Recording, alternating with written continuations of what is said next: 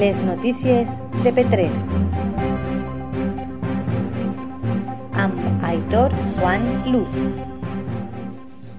Comencem informatiu a Petrer. El passat divendres, un sanitari del centre de salut Petrer 1 va rebre una agressió per part d'un pacient. Avui dimarts 29, l'Ajuntament i els seus companys han eixit a la porta de l'ambulatori en senyal de repulsa per l'agressió.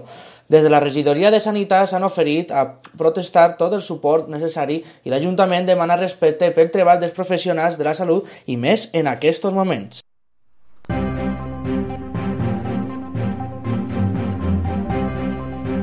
D'altra banda, l'Ajuntament de Petrer ofereix pràctiques gratuïtes de nivell C1 de valencià. Les inscripcions per optar a aquestes places començarà el dia 2 d'octubre i per la situació sanitària aquestes pràctiques seran en modalitat online. Els requisits per a poder accedir són estar empadronat a Petrer, estar matriculat i acreditar com a mínim un nivell B1 de valencià. Per a més informació poden trucar al 966 989 400 de 10 a 2 de la vesprada.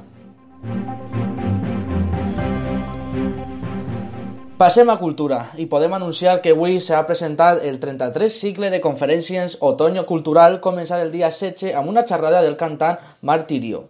Segons ha afirmat el regidor de l'àrea Fernando Portillo, hem decidit mantenir aquest cicle extremant les mesures de precaució i fent reducció d'aforament a la meitat.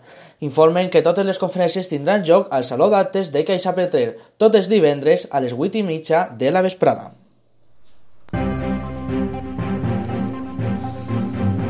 Per acabar, Sant Rafael torna a presidir el seu xicotet altar a la vivenda 2 del carrer que porta el seu nom.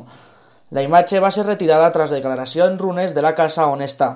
Avui dia la seva festivitat ha tornat el seu lloc de la mà del regidor de Cultura i Patrimoni Fernando Portillo i del director del Museu Damaso Navarro.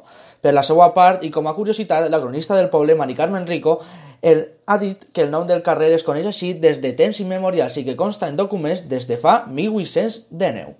Gràcies per acompanyar-nos i recorda que la teua ràdio la portes sempre a la butxaca. Les notícies de Petrer. Amb Aitor Juan Luz.